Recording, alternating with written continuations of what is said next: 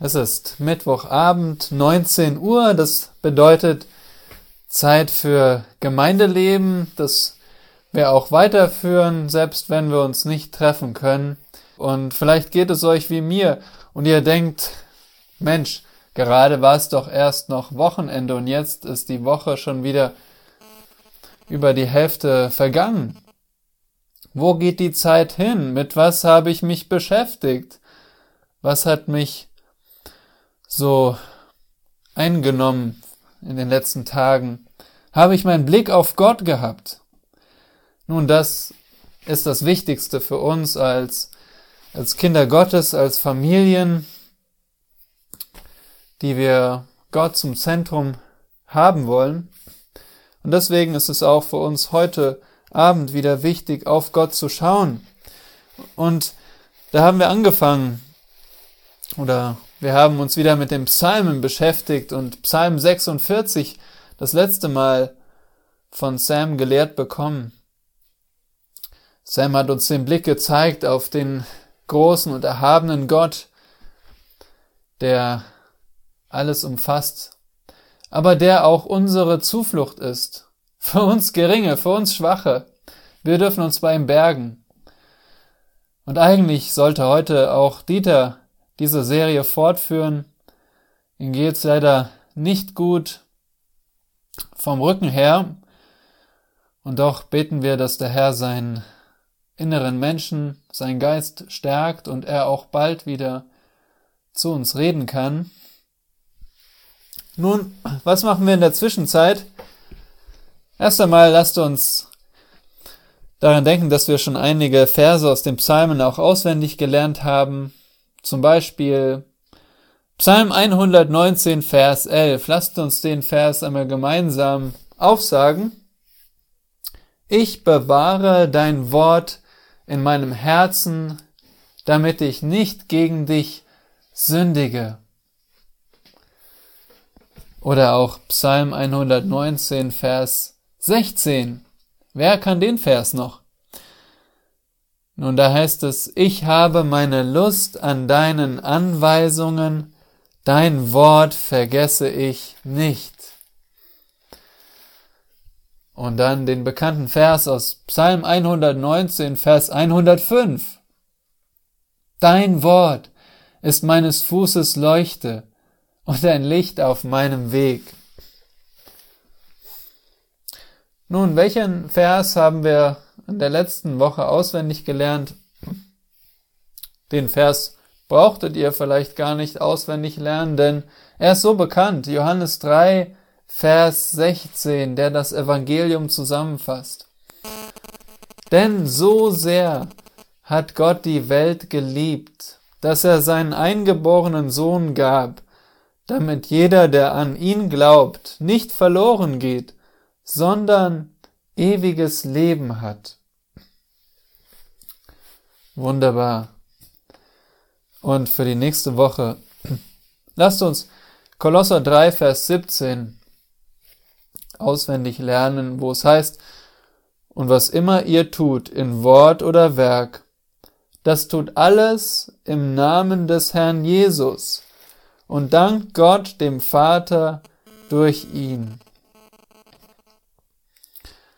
Gott sandte seinen Sohn Jesus und alles, was wir jetzt tun, sollen wir in seinem Namen, im Namen Jesus tun.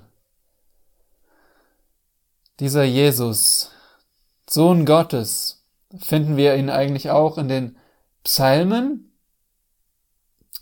Und heute Abend möchte ich euch mitnehmen durch eine, eine Lesetour, eine Entdeckungstour durch die Psalmen über unseren Herrn Jesus Christus. Ja, und wo sollen wir begonnen, beginnen? Wir beginnen mit Jesus als dem Messias. Und so gibt es einige Psalmen, die dann auch als die messianischen Psalmen bezeichnet werden. Warum messianisch? Nun, im Psalm 89, dort beginnen wir mal unsere Tour. Im Psalm 89 sehen wir wie diese Verheißung an David, diese Verheißung an David zitiert wird.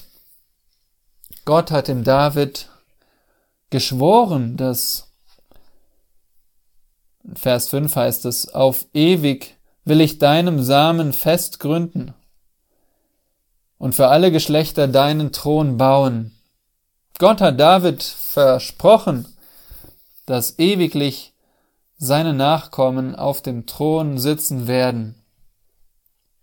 Vers 21 heißt es, ich habe meinem, meinen Knecht David gefunden und ihn mit meinem heiligen Öl gesalbt. Ja, David wurde gesalbt als König. Und wisst ihr, was das Wort Gesalbter auf Hebräisch heißt? Mashiach, Messias. Der Messias ist der Gesalbte. Er ist die Erfüllung der Verheißung an David. Ein vollkommener König, der für ewig auf Davids Thron sitzt. Und diesen Gesalbten, den Messias, den wir kennen als den Herrn Jesus Christus, den wollen wir in den Psalmen kennenlernen, noch besser kennenlernen, auf ihn blicken. Nun, wo beginnt die Geschichte des Messias? Die Geschichte des Messias beginnt in der Ewigkeit und ihr braucht nur eine Seite umschlagen. Auf Psalm 90 wollen wir hören. Psalm 90 ist der älteste Psalm. Ein Gebet Moses, des Mannes Gottes. Herr, du bist unsere Zuflucht von Geschlecht zu Geschlecht. Ehe die Berge wurden und du die Erde und den Erdkreis hervorbrachtest, ja, von Ewigkeit zu Ewigkeit bist du Gott. Du lässt den Menschen zum Staub zurückkehren und sprichst, Kehrt zurück, ihr Menschenkinder. Denn tausend Jahre sind vor dir wie der gestrige Tag, der vergangen ist, und wie eine Nachtwache.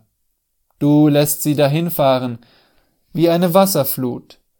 Sie sind wie ein Schlaf, wie das Gras, das am Morgen aufsprießt, am Morgen blüht es und sprießt, am Abend welkt es und verdorrt. Denn wir werden aufgerieben durch deinen Zorn und schnell hinweggerafft durch deinen Grimm. Du hast unsere Missetaten vor dich hingestellt, unser geheimstes Tun in das Licht deines Angesichts. Denn alle unsere Tage schwinden dahin durch deinen Zorn. Wir verbringen unsere Jahre wie ein Geschwätz. Unser Leben währt 70 Jahre und wenn es hochkommt, so sind's 80 Jahre. Und worauf mein Stolz ist, das war Mühsal und Nichtigkeit. Denn schnell enteilt es und wir fliegen dahin. Wer erkennt aber die Stärke deines Zorns, deinen Grimm, so wie es der Furcht vor dir entspricht?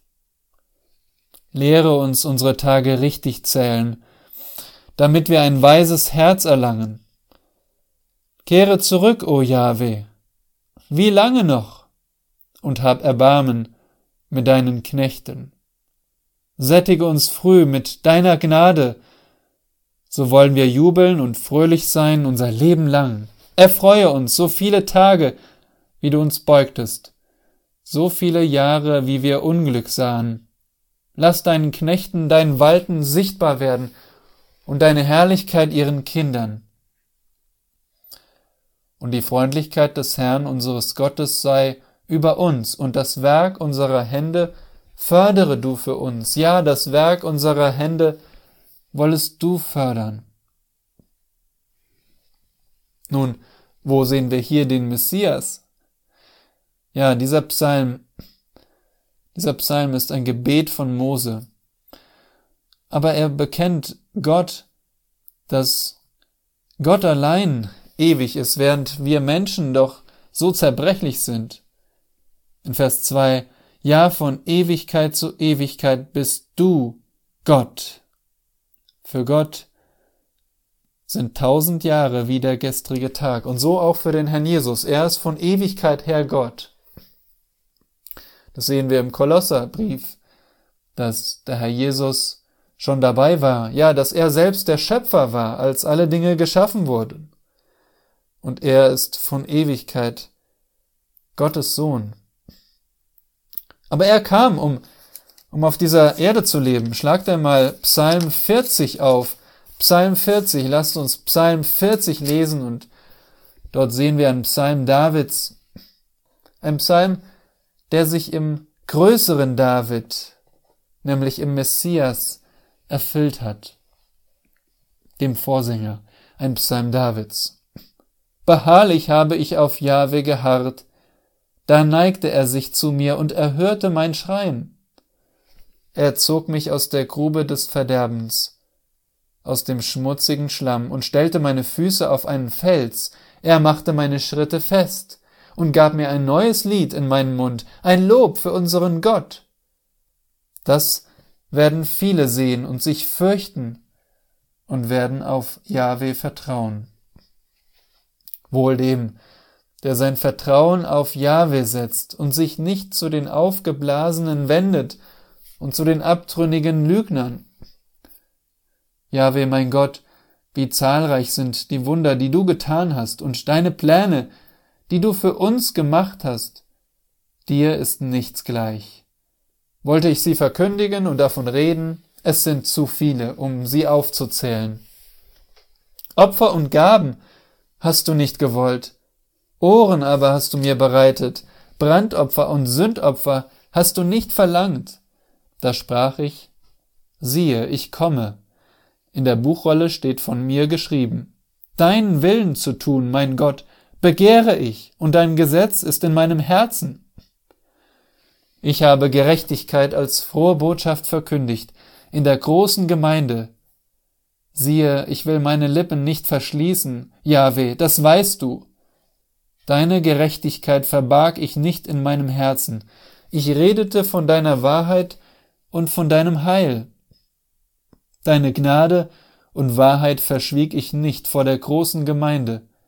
Du, Jahwe, wollest dein Herz nicht vor mir verschließen. Lass deine Gnade und deine Wahrheit mich alle Zeit behüten. Denn Übel ohne Zahl haben mich umringt, meine Verschuldungen haben mich ergriffen, ich kann sie nicht überschauen, sie sind zahlreicher als die Haare meines Hauptes, und mein Mut hat mich verlassen. Jahwe, lass es dir gefallen, mich zu retten. Jahwe, eile mir zu Hilfe. Es sollen sich alle schämen und schamrot werden, die mir nach dem Leben trachten, um es wegzuraffen. Es sollen zurückweichen und zu Schanden werden, die mein Unglück suchen. Erstarren sollen wegen ihrer eigenen Schmach, die zu mir sagen, Haha, haha. Es sollen fröhlich sein und sich freuen in dir alle, die dich suchen, die dein Heil lieben, sollen allezeit sagen, Jahwe ist groß bin ich auch elend und arm, für mich sorgt der Herr. Du bist meine Hilfe und mein Retter, mein Gott, säume nicht. Dies schrieb der geringere David und spricht davon, was sich im größeren David erfüllt hat. Gott, der Mensch wurde, um Gottes Willen zu tun, um das Gesetz zu halten, um sein Leben als Opfer nicht nur zu geben am Kreuz, sondern auch zu leben, um Gerechtigkeit aufzuhäufen. Das hat der Herr Jesus, der Messias, getan. Ein absolut gerechtes Leben hat er gelebt. Und dann am Ende seines Lebens ist er unschuldig gestorben, einen qualvollen, schmachvollen Tod ist er gestorben. Und davon schreibt David als Prophet, im Psalm 22. Lasst uns Psalm 22 lesen, den der Herr Jesus selbst zitierte am Kreuz und hineinsehen in die Leiden unseres Retters, der für dich und mich am Kreuz hing. Dem Vorsänger nach der Melodie Hindin der Morgenröte, ein Psalm Davids. Mein Gott, mein Gott, Warum hast du mich verlassen? Warum bleibst du fern von meiner Rettung, von den Worten meiner Klage? Mein Gott, ich rufe bei Tag und du antwortest nicht, und auch bei Nacht, und ich habe keine Ruhe. Aber du bist heilig, der du wohnst unter den Lobgesängen Israels. Auf dich haben unsere Väter vertraut. Sie vertrauten und du hast sie errettet. Zu dir riefen sie und haben Rettung gefunden. Auf dich vertrauten sie und wurden nicht zu Schanden. Ich aber bin ein Wurm und kein Mensch, ein Spott der Leute und verachtet vom Volk. Alle, die mich sehen, spotten über mich. Sie reißen den Mund auf und schütteln den Kopf. Er soll darauf Jahwe vertrauen, der soll ihn befreien, der soll ihn retten, er hat ja Lust an ihm. Ja, du hast mich aus dem Leib meiner Mutter gezogen, du warst meine Zuversicht schon an meiner Mutter Brust, auf dich bin ich geworfen vom Mutterschoß an, vom Leib meiner Mutter her bist du mein Gott. Sei nicht fern von mir, denn Drangsal ist nahe und kein Helfer ist da. Es umringen mich große Stiere, mächtige Stiere von Barschan umzingeln mich. Sie sperren ihr Maul gegen mich auf wie ein reißender und brüllender Löwe. Ich bin ausgeschüttet wie Wasser, und alle meine Gebeine sind ausgerenkt. Mein Herz ist geworden wie Wachs, zerschmolzen in meinem Innern. Meine Kraft ist vertrocknet wie eine Scherbe, und meine Zunge klebt an meinem Gaumen, und du legst mich in den Staub des Todes. Denn Hunde umringen mich, eine Rotte von Übeltätern umgibt mich. Sie haben meine Hände und meine Füße durchgraben. Ich kann alle meine Gebeine zählen. Sie schauen her und sehen mich schadenfroh an. Sie teilen meine Kleider unter sich und werfen das Los über mein Gewand. Du aber, o Jahwe, sei nicht ferne. O meine Stärke, eile mir zu Hilfe. Errette meine Seele von dem Schwert, meine Einsame von der Gewalt der Hunde. Errette mich aus dem Rachen des Löwen. Ja, du hast mich erhört und gerettet von den Hörnern der Büffel. So will ich meinen Brüdern deinen Namen verkündigen. Inmitten der Gemeinde will ich dich loben die ihr Jahwe fürchtet, lobt ihn. Ihr alle vom Samen Jakobs ehrt ihn und scheue dich vor ihm, du ganzer Same Israels. Denn er hat nicht verachtet noch verabscheut das Elend des Armen und hat sein Angesicht nicht vor ihm verborgen. Und als er zu ihm schrie, erhörte er ihn. Von dir soll mein Loblied handeln in der großen Gemeinde. Ich will meiner, meine Gelübde erfüllen vor denen, die ihn fürchten. Die Elenden sollen essen und satt werden. Die Jahwe suchen, werden ihn loben. Euer Herz soll ewiglich leben. Daran werden gedenken und zum Herrn umkehren alle Enden der Erde. Und vor dir werden anbeten alle Geschlechter der Heiden. Denn das Königreich gehört Jahwe, und er ist Herrscher über die Nationen. Es werden essen und anbeten alle Großen der Erde, vor ihm werden ihre Knie beugen, alle, die in den Staub hinabfahren. Und wer seine Seele nicht lebendig erhalten kann, ein Same wird ihm dienen, wird dem Herrn als Geschlecht zugezählt werden. Sie werden kommen und seine Gerechtigkeit verkündigen dem Volk, das geboren wird, dass er es vollbracht hat. So ist der Messias stellvertretend für uns Sünder gestorben. Aber damit war es nicht aus. Nein, er, er würde Jahwe weiter loben inmitten der Gemeinde. Und davon lesen wir im Psalm 16, wie der Herr Jesus Christus auferstanden ist und schon David prophetisch davon bezeugt. Psalm 16, ein Miktam von David. Bewahre mich, o oh Gott, denn ich vertraue auf dich. Meine Seele, du hast zu Jahwe gesagt, du bist mein Herr, es gibt für mich nichts Gutes außer dir. Die Heiligen, die auf der Erde sind, sie sind die Edlen, an denen ich all mein Wohlgefallen habe. Zahlreich werden die Schmerzen derer sein, die einem anderen Gott nacheilen. An ihren Trankopfern von Blut will ich mich nicht beteiligen, noch ihre Namen auf meine Lippen nehmen. Jahwe ist mein Erbteil und das Teil meines Bechers. Du sicherst mir mein Los. Die Messschnüre sind mir in einer lieblichen Gegend gefallen. Ja, mir wurde ein schönes Erbe zuteil. Ich lobe Jahwe, der mir Rat gegeben hat. Auch in der Nacht mahnt mich mein Inneres. Ich habe Jahwe alle Zeit vor Augen. Weil er zu meiner Rechten ist, wanke ich nicht. Darum freut sich mein Herz und meine Seele frohlockt. Auch mein Fleisch wird sicher ruhen. Denn du wirst meine Seele nicht dem Totenreich preisgeben und wirst nicht zulassen, dass dein Getreuer die Verwesung sieht. Du wirst mir den Weg des Lebens zeigen. Vor deinem Angesicht sind Freuden in Fülle, liebliches Wesen zu deiner Rechten, ewiglich. Und so, so zitiert auch Petrus diesen Psalm und, und deutet ihn auf die Auferstehung Jesu Christi, die hier schon von David vorhergesagt wird. Der Messias wird nicht im Tod bleiben. Nein, er wird auferstehen. Er ist der Sohn Gottes. Und er wird erhöht sein. Und davon lesen wir im Psalm 2 gleich am Anfang. Einer von diesen beiden Türpfosten für die Psalmen. Psalm 1 und Psalm 2 sind die Einleitungen. In Psalm 2 lesen wir von dem Sohn Gottes, der jetzt erhaben ist und erhöht ist im Himmel und über allen Heiden und allen Nationen thront. Psalm 2 Warum toben die Heiden und ersinnen die Völker Nichtiges? Die Könige der Erde lehnen sich auf und die Fürsten verabreden sich gegen Jahwe und gegen seinen Gesalbten. Lasst uns ihre Bande zerreißen und ihre Fesseln von uns werfen. Der im Himmel thront, lacht. Der Herr spottet über sie.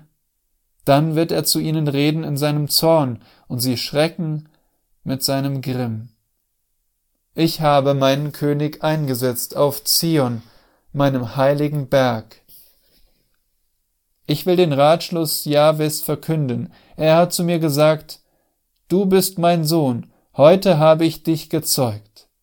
Erbitte von mir, so will ich dir die Heidenvölker zum Erbe geben und die Enden der Erde zu deinem Eigentum. Du sollst sie mit eisernem Zepter zerschmettern, wie Töpfergeschirr sie zerschmeißen. So nehmt nun Verstand an, ihr Könige, und lasst euch warnen, ihr Richter der Erde. Dient Jahwe mit Furcht und frohlockt mit Zittern küsst den Sohn, damit er nicht zornig wird und ihr nicht umkommt auf dem Weg, denn wie leicht kann sein Zorn entbrennen? Wohl allen, die sich bergen bei ihm. Und in diesem Psalm sehen wir den Sohn, den Sohn Gottes, den König. Er ist Gott selbst.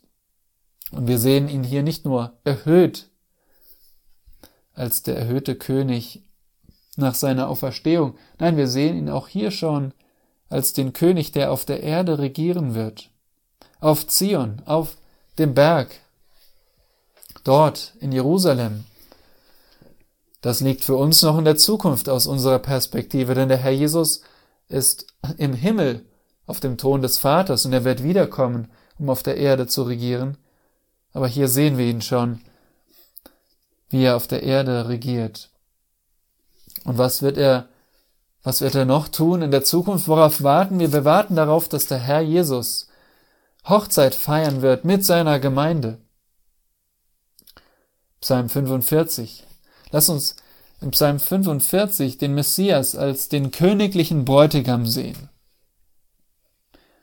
Psalm 45, dem Vorsänger nach der Melodie Lilien von den Söhnen Choras, ein Maskil, ein Lied der Liebe. Mein Herz fließt über mit einem lieblichen Lied. Ich sage, meine Gedichte sind für den König bestimmt. Meine Zunge ist der Griffel eines gewandten Schreibers. Du bist schöner als die Menschenkinder. Gnade ist ausgegossen über deine Lippen.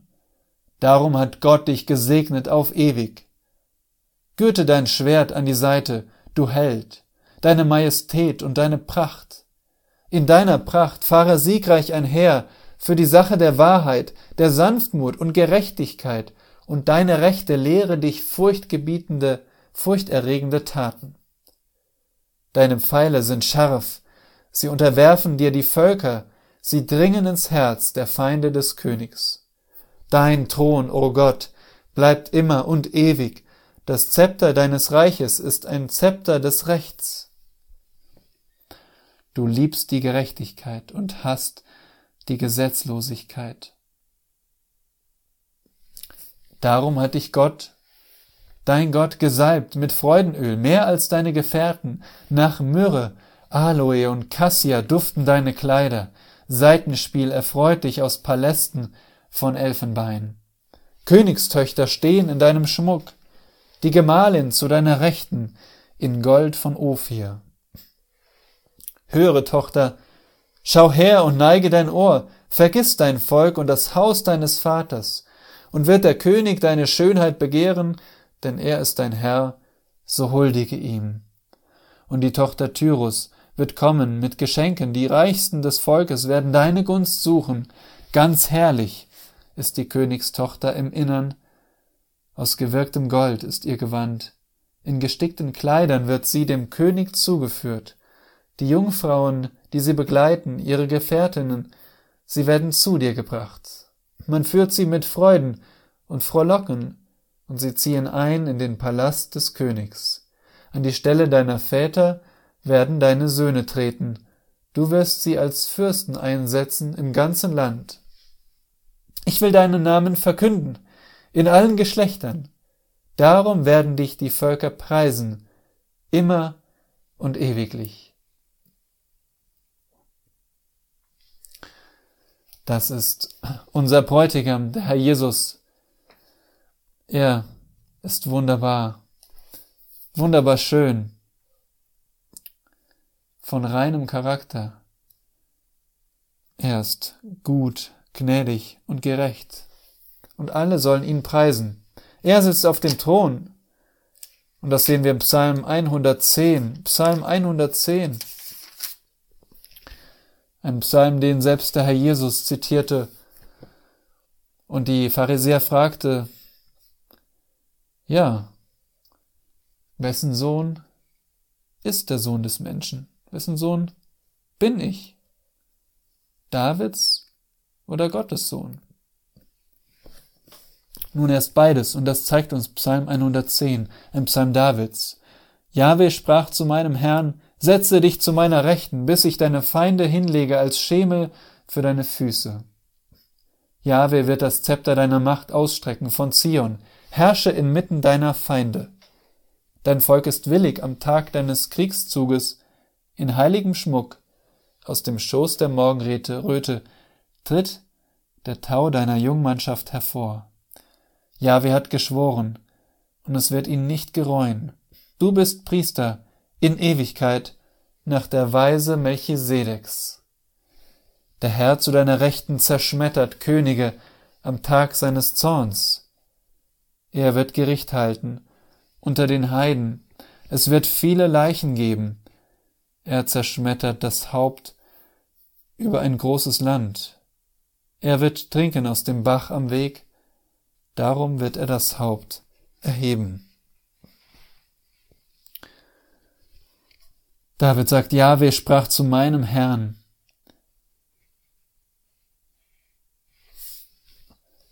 Wer ist Davids Herr? Nun, das ist der Messias, der Sohn Gottes, unser Herr. Und er wird alle Feinde zu seinen Füßen vorfinden, wenn er wiederkommt auf diese Erde, um zu regieren und wohl dem, der sich bei ihm birgt. Wenn du nun gesehen hast, wie der Herr, der Messias, der Sohn Gottes, Jesus Christus ist sein Name, von Ewigkeit her Gott ist, wie er gekommen ist, um ein gerechtes Leben zu leben, dann sein Leben als Lösegeld zu geben für viele, zu sterben anstelle von Sündern, um dann wieder aufzuerstehen, von den Toten, aufzufahren in den Himmel, wo er jetzt erhöht sitzt auf dem Thron, um zu warten, bis seine Zeit gekommen ist, wiederzukommen, zu richten und zu regieren. Wenn du das gesehen hast und erkennst, dass auch du nichts bringen kannst, was seinem Gesetz genügt, dass du Gericht verdient hast für deine Sünden, für dein Ungehorsam gegen sein Gebot. Dann zögere nicht länger und kehr um zu deinem Erlöser, dem Messias, denn er nimmt Sünder an und darum geh zu ihm im Gebet und bekenn ihm deine Sünden, wenn du ihn noch nicht als Herrn und Erlöser kennst, und du wirst augenblicklich erfahren, was es bedeutet, mit Gott versöhnt zu sein, damit er, wenn er wiederkommt, dich als seinen geliebten Sohn, seine geliebte Tochter mit in seinem Reich aufnimmt und du mit ihm herrschst und deine Bestimmung erfüllst als ja, als ein Kind Gottes, als ein Untertan in seinem Reich, als ein Diener, als ein Freund, als eine Freundin des Herrn, für Ewigkeit mit ihm zusammen zu leben und dich an ihm zu erfreuen. Das ist mein Gebet. Und damit wollen wir auch diese Zeit schließen. Herr Jesus Christus, Messias, ewiger Gott, gerechter Mensch, unschuldiger, gekreuzigter, auferstandener, erhöhter, König, Herrscher, unser Bräutigam, der du in Ewigkeit, Herr, auf dem Thron sitzt. Herr, bitte, rette du, wer immer noch verloren ist, und bewahre uns den Blick auf dich als den Messias, auch in dieser Woche. Wir preisen dich und rühmen deinen Namen. Hilf uns alles, was wir tun, in dem Namen Jesu zu tun, zu deiner Ehre. Amen.